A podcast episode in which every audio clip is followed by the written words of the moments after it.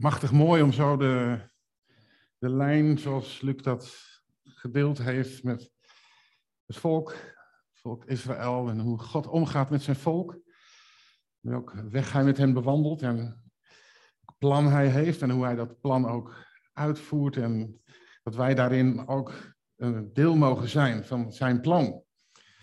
En um, ik denk dat het mooi is om ook de liederen die we net ook voor het avondmaal hebben gezongen en ook dit laatste lied, om die in gedachten te houden als we met het woord bezig gaan. Want ook het woord van vanochtend is een woord naar aanleiding van dat wat God doet met zijn volk. Hoe hij met zijn volk omgaat. En om dat te doen wil ik graag een paar Bijbelgedeelten lezen. En ik begin uh, te lezen in het boek Ezra. Ezra hoofdstuk 1. En we lezen de eerste vier versen van dat eerste hoofdstuk. Daarna slaan we iets door en dan komen we in hoofdstuk 3. Hoofdstuk 3 lezen we de eerste zes versen en de versen 10 tot en met 13 van het hoofdstuk. We beginnen even met Ezra hoofdstuk 1, vers 1 tot en met 4. In het eerste regeringsjaar van Cyrus, de koning van Perzië, liet de Heer in vervulling gaan wat hij bij monden van Jeremia had voorzegd. Hij zette de koning ertoe aan om in zijn hele koninkrijk mondeling en ook schriftelijk het volgende besluit bekend te maken. Dit zegt Cyrus, de koning van Perzië. Alle koninkrijken van de aarde heeft de Heer, de God van de hemel, mij gegeven. Hij heeft mij opgedragen om voor hem een tempel te bouwen in Jeruzalem dat in Juda ligt. Laten al diegenen onder u die tot zijn volk behoren, zich met de hulp van hun God naar Jeruzalem in Juda begeven, om er de tempel van de Heer weer op te bouwen, de God van Israël, de God die in Jeruzalem woont. Allen die hier nog als vreemdeling verblijven, waar zij zich ook mogen bevinden, dienen van hun medeburgers ondersteuning te krijgen in de vorm van zilver, goud, goederen en vee, naast de bijdragen die vrijwillig worden afgestaan voor de tempel van de God die in Jeruzalem woont. Gaan we naar hoofdstuk 3. En dan lezen we daar vers 1 tot en met 6. Aan het begin van de zevende maand, toen de Israëlieten zich in hun steden hadden gevestigd, verzamelde het voltallige volk zich in Jeruzalem. Jesua, de zoon van Josadak, en zijn medepriesters, en Zerubabel, de zoon van Sealtiel, en zijn verwanten bouwden het altaar van de God van Israël, om daarop te kunnen offeren, zoals voorgeschreven in de wet van Mozes de Godsman. Ze richtten het altaar op op zijn oude fundamenten en offerden aan de Heere want de bevolking van het land boezemde hun angst in. Ze droegen s'morgens en s avonds brandoffers op en vierden het Loofhuttenfeest volgens de voorschriften. Elke dag brachten ze het vereist aantal brandoffers, zoveel offers dus als er voor iedere dag zijn voorgeschreven. Van toen af aan brachten ze ook het dagelijks offer, het offer op nieuwe maan en de offers bij alle andere heilige hoogtijdagen van de Heer, en verder alle vrijwillige gaven aan de Heer. Al vanaf de eerste dag van de zevende maand droegen ze brandoffers op aan de Heer, ook al was de fundering van het heiligdom van de Heer nog niet gelegd. En dan gaan we een klein sprongetje maken naar vers 10. Terwijl de bouwers de fundering van het heiligdom van de Heer legden, stelden de priesters, gekleed in ambtsgewaad, zich op met trompetten. En de levieten, de nakomelingen van Asaf, stelden zich op met cymbalen om de Heer te prijzen volgens de aanwijzingen van David, de koning van Israël. Zij dankten en prezen de Heer en ze zongen in beurtzang, Hij is goed, eeuwig duurt zijn trouw aan Israël. Heel het volk begon daarop luid te juichen en de Heer te prijzen omdat de fundering van de tempel van de Heer werd gelegd. Veel priesters, levieten en familiehoofden, de ouderen die de eerste tempel nog hadden gezien, huilden luid toen voor hun ogen de fundering van de tempel werd gelegd, maar vele anderen juichten en jubelden. juichen en huilen waren niet meer te onderscheiden. Het rumoer was zo luid dat het tot op grote afstand te horen was. Even tot zover. Weet niet hoe het met jullie is, maar als ik dit lees, dan krijg ik een filmpje. Dan zie ik een heel tafereel voor me. Ehm, iedereen ziet het op zijn eigen manier natuurlijk, maar je ziet het als het ware ontstaan. Het volk is verbannen en dan is daar een koning, koning Cyrus. En die laat het volk terugkeren uit de verbanning, terug naar het land waar ze vandaan komen. En dan krijgen ze daar de mogelijkheid om weer te gaan bouwen aan de tempel. En ze beginnen met het leggen van de funderingen. En op het moment dat ze daarmee bezig zijn, gaan ze ook alle offers weer brengen die ze gewend waren te brengen. En als ze die offers gebracht hebben, dan, dan ontstaat er een gejuich en een, en een gejubel en, en ook gehuil. Wat, wat dat precies betekent, laat ik even van het los. Maar in ieder geval tumult. En terwijl ik hier naartoe liep, was ik me ervan bewust. Ik denk, oh, deze gemeente hier, die zitten vandaag met de Gentse feesten. Wat zal het een tumult geweest zijn de afgelopen nacht? Ik hoorde al van Erwin dat het uh, best wel veel herrie was. En, maar ik dacht bij mezelf, wat zou dat nou toch mooi zijn als de gemeente hier zo'n kabaal maakt dat het tot verre te horen is. Omdat de Heer zijn plan uitvoert. Het volk was 70 jaar verbannen geweest. 70 jaar waren ze onderworpen aan een regime, aan een heerser. En het was voor hen een drama. Het was voor hen een drama, zowel sociaal, in hun omgang met elkaar, maatschappelijk, cultureel en dus ook in hun godsdienst, in hun geestelijk leven. 70 jaar lang hadden ze geleefd onder grote druk en dan brengt God een ommekeer in de situatie. In, in hoofdstuk 1 en 2 kun je lezen hoe dat precies gaat. Staat heel gedetailleerd beschreven welke, welke uh, afstammelingen van welke persoon allemaal naar een bepaalde plaats zijn gegaan. Afstammelingen van, er staat per, moet je maar eens met me meekijken, in hoofdstuk 2, vanaf het derde vers, 2172 afstammelingen van Paros, 372 afstammelingen van Sefatja. En dat gaat maar door en dat gaat maar door. Heel gedetailleerd. Ook een onderscheid welke priesters zijn er gegaan, welke levieten zijn er gegaan. De poortwachters worden benoemd, alle tempelknechten, enzovoort, enzovoort. Dus er is een groot deel van het volk, wat hier beschreven staat, die uit die verbanning geleid wordt, gebracht wordt, toestemming krijgt om terug te keren naar Jeruzalem, om daar de tempel te herbouwen. Een deel blijft dus achter en een deel gaat naar het land. Als we Ezra en Nehemia bij elkaar nemen, dan weten we dat Ezra vooral gericht is op de bouw van de tempel en de herbouw van de tempel en de, en de, en de tempeldienst. En dat Nehemia, is, die, horen, die twee horen bij elkaar, die gaat meer over de, de herbouw van de muren van Jeruzalem. Misschien mag ik dat zo zeggen. Je gaat, Nehemia gaat meer over uh, het, het gewone dagelijkse leven, de veiligheid van het wonen in een stad. Terwijl Ezra die heeft het specifiek over het herstel van het geestelijk leven van het volk. Het geestelijk leven van het volk met God. De gemeenschap die het volk, die relatie die het, God, die, die het volk heeft met God. En dat geldt voor hen als collectief, als geheel, maar ook voor ieder persoonlijk. Hoofdstuk 3, wat we hebben gelezen, laat nog veel meer zien dan alleen maar het herstel. Je laat ook zien wat het gevolg is van het herstel. Het gevolg van het leggen van de funderingen. Misschien nu even vandaag. Even naar u en mij. Even, even persoonlijk. Misschien zijn er in ons leven ook wel dingen die als het ware een soort van verbannen zijn. Dingen die als het ware nog niet op de juiste plaats terecht zijn gekomen. Misschien dingen die je hebt meegemaakt, die in je leven iets gedaan hebben, waardoor je pijn hebt. Weet je, waardoor je teleurgesteld bent. Dus dingen, de dingen waar je vragen over hebt, waar je, waar je geen antwoord op hebt. Dingen die misschien gebeurd zijn in je leven, dat je denkt, waarom? En als je zo'n wandeling maakt, zo van de Carrefour deze kant op, dan kom ik langs allemaal, allemaal verschillende deuren. En ik was er onwillekeurig zo naar aan het kijken en ik zat mezelf af te vragen, welk verhaal is er achter deze deur? Achter elke voordeur, lieve mensen, is wel een verhaal te vertellen van dingen die moeilijk zijn. Dingen die worstelingen opleveren.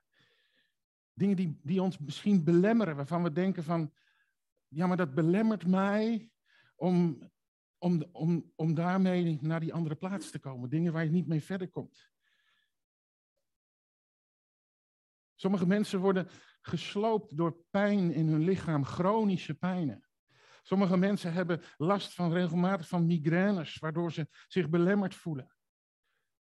Soms zijn er traumatische ervaringen, pas geleden of een paar jaar geleden of heel lang geleden. Het kan een worsteling zijn in je financiën, het kan ook worstelingen zijn in familierelaties of op, op welke manier dan ook. Soms zijn die relaties zo kapot, zo gebroken, dat het lijkt alsof het nooit meer goed kan komen. En dat is ook de werkelijkheid van ons leven. Dat is de werkelijkheid van het leven wat wij leiden. En je vraagt je af, wat moet je daarmee? En we willen het liefst een overwinningsleven leiden. Altijd op de bergtop zijn. Niemand van ons zit erop te wachten om door het dal van diepe duisternis te gaan. Nee, we willen liever boven zijn. Maar die andere dingen, wat doe je daarmee? Die andere dingen die, die als het ware nog verbannen zijn. Een deel is al wel, want je bent hier. Een deel is al wel, want je, je bent een kind van God. Een deel is al wel hier, want je prijst Hem, je looft Hem. Een deel is al hier, want je doet ook het avondmaal. En, maar dat andere dan? Hoe is het dan met, met die andere dingen?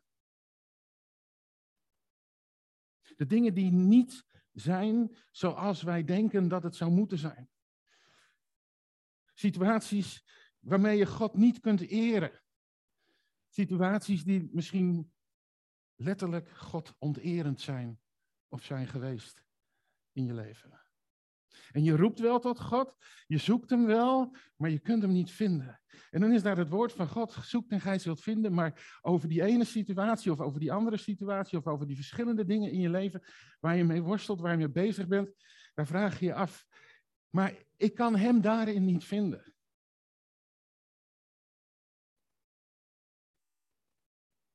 Waar is de almacht van God? Vraag je je dan af. En ik denk dat dit heel herkenbaar is. Herkenbaar, want zoals ik net zei, achter elke voordeur. We zeggen, elk huisje heeft zijn kruisje. Is dat ook een Belgische uitspraak? Oh, ik zat in de auto nog te aarzelen. Ik denk, moet ik Erwin even vragen of er misschien een ander is. Maar je begrijpt wat ik bedoel. Elk huisje heeft zijn kruisje. En dan, en dan lees ik hier in, in, in Ezra in hoofdstuk 1 dat, dat God die dat iets doet. Die, begint iets. Hij zette de koning ertoe aan om in zijn hele koninkrijk mondeling en ook schriftelijk het volgende besluit bekend te maken. Dus God zette die koning ertoe aan. Dus God begint ineens ergens mee. Want het volk was 70 jaar verbannen. Het volk was al 70 jaar onder die druk. Die zat al 70 jaar vast in die situatie en kwamen er niet uit. Leek wel uitzichtloos. Maar dan is hier in Esra hoofdstuk 1 ineens een God en die grijpt in. En ik heb boven de preek gezet, God doet het wel. Al denk je misschien nu dat hij het niet doet, dat hij er niet mee bezig is. Ik heb vanochtend een boodschap, hij doet het wel. God doet het wel. En toen ik daarmee bezig was, God doet het wel, daar kun je aarzeling in hebben, of misschien zelfs een vorm van wantrouwen, dat je afvraagt, is dat echt wel zo?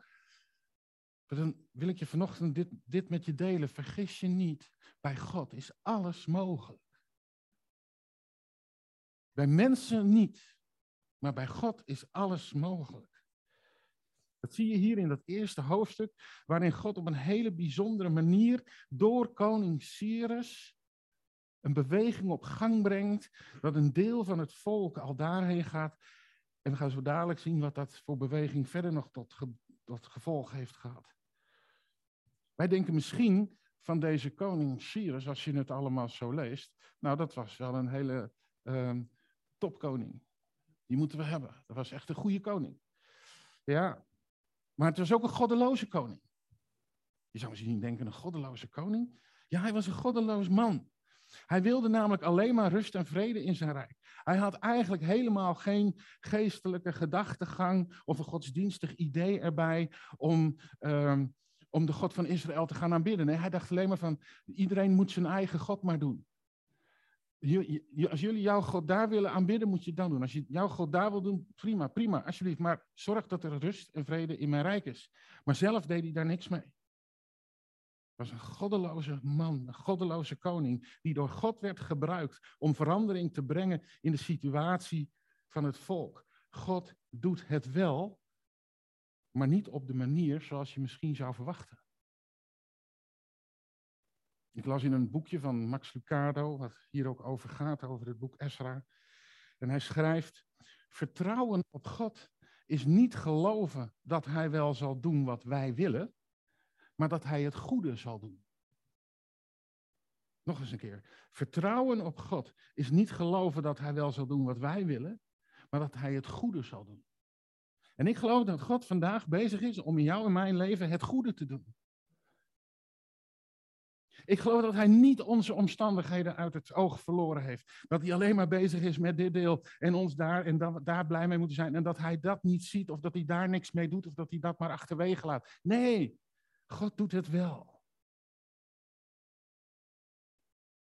Ik geloof dat jouw aanwezigheid, je deelname vandaag in deze samenkomst hier in de gemeente en ook verder in het gemeenteleven, dat is er niet zomaar. Het is er niet voor niets. Het laat iets zien op het moment dat we met elkaar zingen. Misschien kun je nog even die liederen voor je halen die we hebben gezongen. Op dat moment gebeurt er wel iets. God is op dat moment ook aanwezig in je leven. En dat is niet alleen maar een stukje van je leven, hij is aanwezig in alles. En dan zeg je, nou, maar dit, dit, is, dit is op orde en dat nog niet, maar God is daar ook mee bezig. Hij is, hij, is, hij is met jou en met mij aan het werk, ook op die plaatsen waar we het nu nog niet zien. Want het geloof is het bewijs van de dingen die we niet zien. God doet het wel. Als we dan het tweede gedeelte nemen wat we hebben gelezen, hoofdstuk 3, hoe dat helemaal beschreven staat, al die offers die ze hebben gebracht, hoe dat allemaal in zijn werk ging, van s'morgens en s'avonds, en vierde het Loofhuttenfeest, met alle voorschriften, elke dag het vereist aantal brandoffers. Maar wat me zo opviel was in dat, in dat laatste vers van, uh, dat, van dat gedeelte, al vanaf de eerste dag van de zevende maand droegen ze brandoffers op aan de Heer, ook al was de fundering van het heiligdom van de Heer nog niet gelegd. Dat offeren was onderdeel van het geestelijk leven van het volk. En daar begonnen ze mee als eerste toen ze terugkwamen uit de verbanning. Ze begonnen met die offers te brengen. Heel nauwkeurig deden ze dat, precies volgens de voorschriften. Ze verlangden ernaar om in persoonlijk contact te zijn met hun God.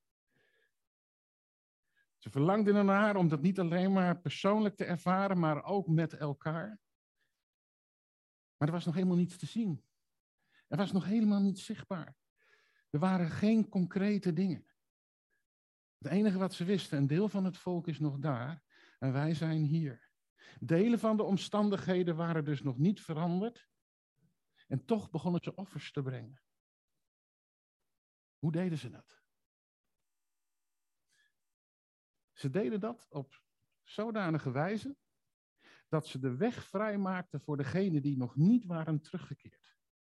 En dat brengt dan even naar onze situatie, even ons leven.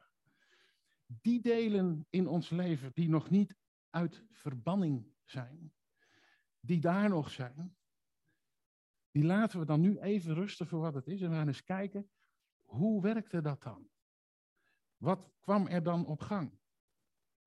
Nou, het eerste wat ik wil noemen is die paar zinnetjes die je dan leest. Volgens de voorschriften van Mozes, de godsman. Volgens de voorschriften van David, de koning van Israël. Het eerste wat het volk deed was zich onderwerpen en gehoorzaam zijn aan het woord van God. Ze gebruikten het woord van God als een kracht. We hebben een kinderlied gezongen. Wat was de tekst van het kinderlied?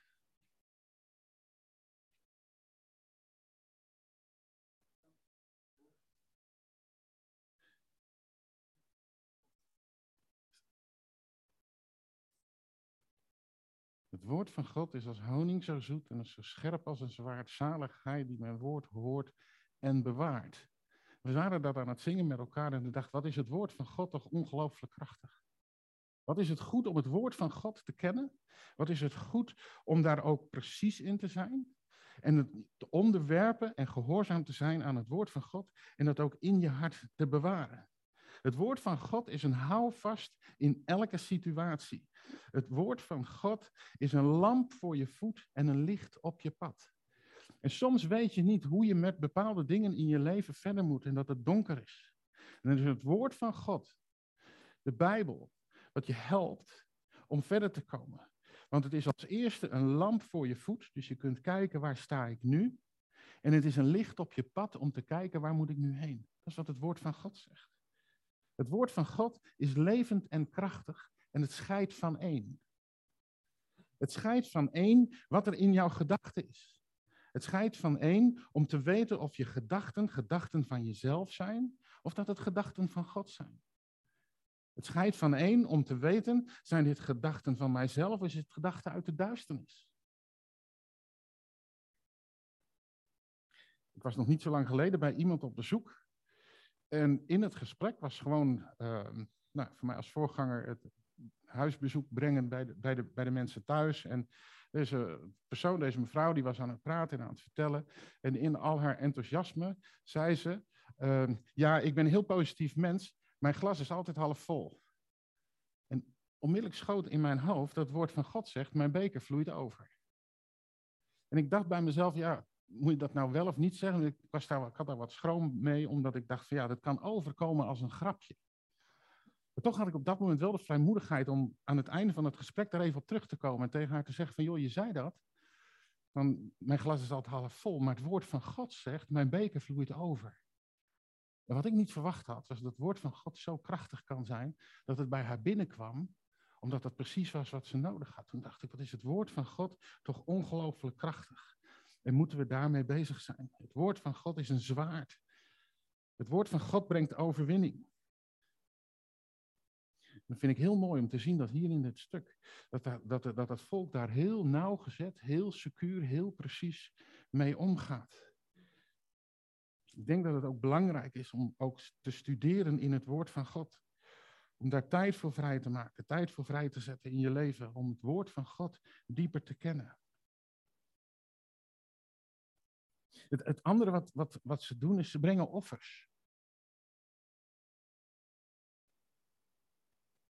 En er is heel veel over te zeggen, over al die offers die ze brengen. Daar kun je eindeloos over doorspreken met elkaar en geweldige principes die je daarin vindt. Maar de kern van, van de boodschap van vandaag is wel, bij het offeren werd er een dier geslacht.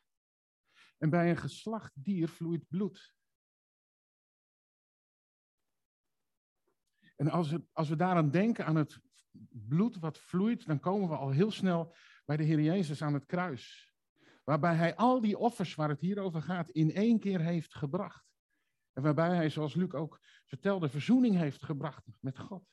Waar vergeving is van onze zonde en de reiniging van ons innerlijk. Waar hij de complete overwinning heeft behaald. Waar alles onder zijn controle is gekomen. Het woord van God zegt, alle dingen zijn aan hem onderworpen en daarbij bij hem, aan hem onderworpen heeft hij niets uitgezonderd wat hem niet onderworpen zou zijn. Alle dingen. Maar die andere dingen dan? Die dingen in je leven die nog verbannen zijn. Hoe zit dat nou? Soms zouden we wel willen dat al die dingen in één keer alles helemaal op orde komen. Dat is een diepe verlangen in ons hart. Dat het op orde komt. Dat, het, dat de dingen. Dat er vrede komt. Dat er rust komt. Dat er herstel komt. Maar vaak zien we in ons leven, en dat zien we ook hier in het, in het leven van het volk, dat het in delen gaat. Er is een deel al wel en een deel nog niet. En dat deel wat er al wel is, heeft een functie. Het deel wat er wel is, is het deel wat zegt, ja, het woord van God. Het deel wat er al wel is, zegt, ja, Jezus, ja, ik geloof. Hij heeft de overwinning behaald. ik geloof dat het goed is om die dingen goed vast te houden. En te zeggen, oké, dit moeten we vasthouden. We willen in de praktijk van ons leven het woord van God serieus nemen. We willen dat goed kennen. We willen dat ook gebruiken. We geloven in de kracht van het woord. En we geloven ook dat Jezus aan het kruis van Golgotha alles heeft volbracht. Ook al zie je het nog niet. Toch vertrouwen, God doet het wel. Hij is bezig om het goede te doen. Hij gebruikte zelfs een goddeloze koning om verandering te brengen. Is hij in jouw leven vandaag ook bezig om het goede te doen. Het laatste stukje wat we hebben gelezen vanaf vers 10, wat, wat dan zo zo'n plaatje schetst van zo'n hele grote groep, allemaal mensen. En de, de, de fundering van het heiligdom wordt gelegd. En dan zie je daar de priesters gekleed in een ambtsgewaad die zich opstellen met trompetten, levieten. De nakomelingen van Asaf die zich met cymbalen opstellen. Om de Heer te prijzen volgens de aanwijzingen van de koning van, van David, de koning van Israël. En dan staat er, zij dankten en prezen de Heer en ze zongen in beurtzang. Dat is, is dat een kanon of is dat om en om?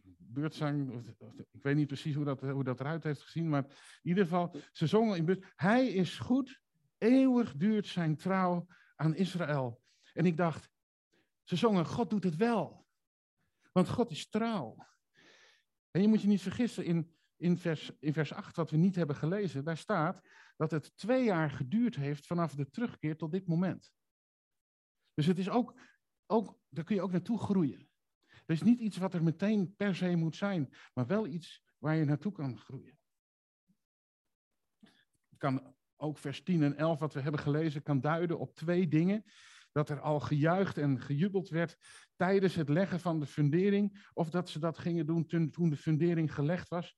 Uh, je kunt er een hele verhandeling over houden welke van de twee nou het meest uh, kans van slagen heeft vanuit de vertalingen. Maar dat is eigenlijk niet waar ik iets over wil zeggen. Ik wil iets zeggen over wat zingen ze nou eigenlijk? Ze zingen God is trouw. Hij is goed. God doet het wel. Hij is de weldoener.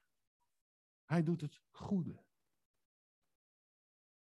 Ook al zie ik het nog niet, ook al heb ik het nog niet in de gaten, ook al zijn er delen in mijn leven, en dat geldt ook voor mij, die nog in verbanning zijn en die, waarvan ik niet zie hoe dat ooit op orde zou moeten kunnen komen.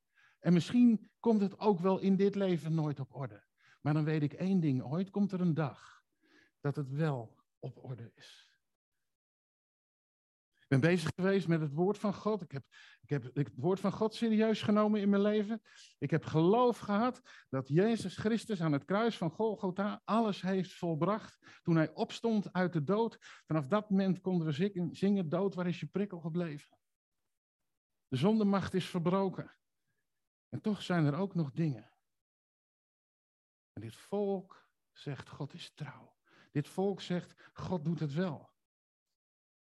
Toen dacht ik bij mezelf, wat hebben wij nou in ons leven nog gekregen om uit te spreken?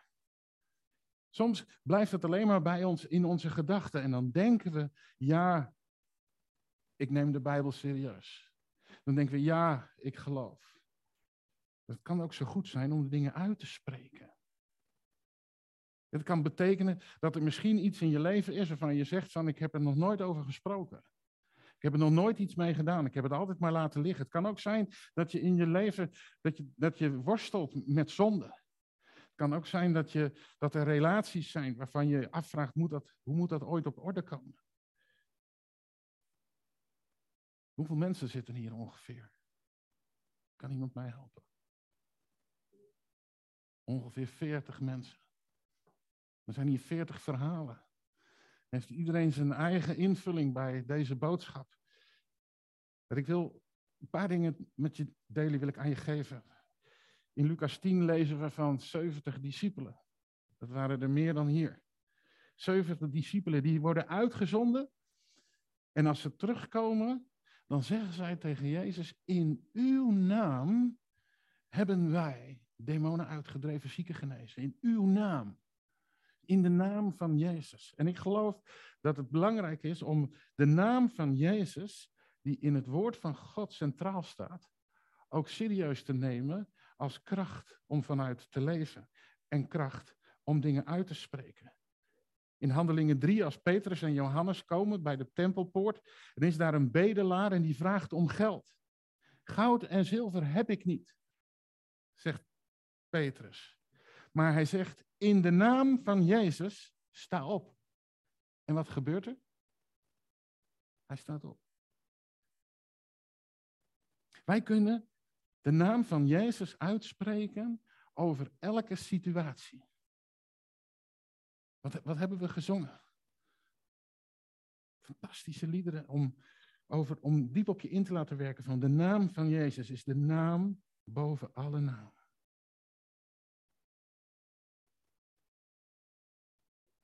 Weet je, vergis je niet in het gemene, vuile werk van de duivel soms in ons leven, in ons denken. Waarbij gedachten misschien opkomen. Wat heeft het voor zin? Waarom zou ik?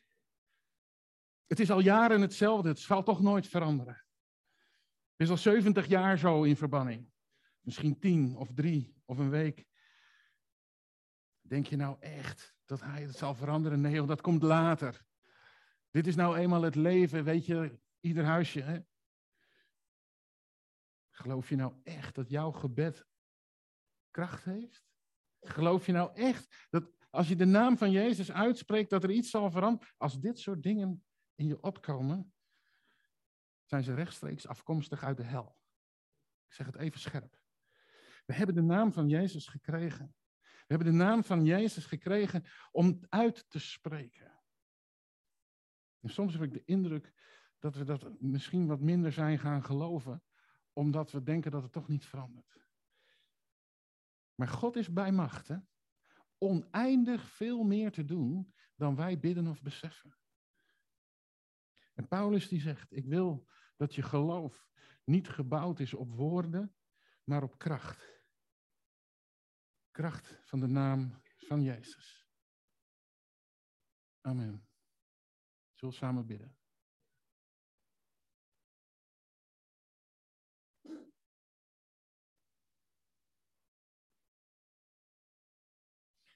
Trouwe God, willen u danken voor uw woord, wat u aan ons hebt gegeven, wat u ons hebt toevertrouwd. Dank u, Heer, dat we daaruit kracht mogen putten, dat we daaruit mogen leren. Bovenal, Heer, dat we daaruit opmaken hoe geweldig trouw en hoe geweldig goed dat u bent. Heer, wil u danken voor uw Zoon, de Heer Jezus, die u hebt gezonden naar deze aarde. Heer, waarin alle dingen uiteindelijk aan Hem zijn onderworpen en dat er niets bij is wat Hem niet onderworpen zou zijn. Dank u wel daarvoor, Heer Jezus, voor het geweldige offer wat u hebt gebracht. Dat u dienstbaar bent geworden, dat u zichzelf ontledigd. Dat u de gestalte van een dienstknecht hebt aangenomen. En dat u bereid was om uw leven neer te leggen, uw leven af te leggen. Maar dat u ook bent opgestaan uit de dood. Dat u daarmee de dood en de zonde en de fouten in ons leven allemaal volbracht hebt, vergeven. Dank u voor uw woord waarin u zegt dat als wij onze zonden beleiden, dat u getrouw bent en rechtvaardig om onze zonden te vergeven en ook ons te reinigen van alle ongerechtigheid. De dingen die in ons leven nog gereinigd moeten worden, Heer Jezus.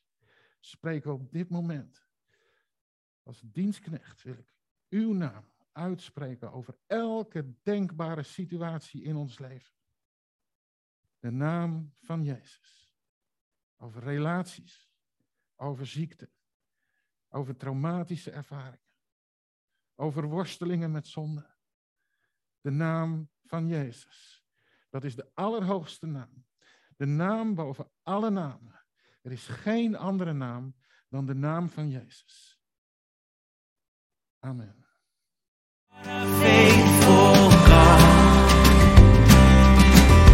What a faithful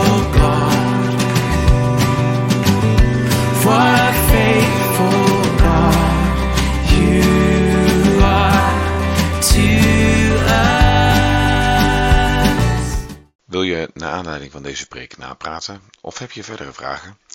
Neem dan gerust contact op. Dat kan via veg.deburg.gmail.com of kijk op onze Facebookpagina VEG De Burg.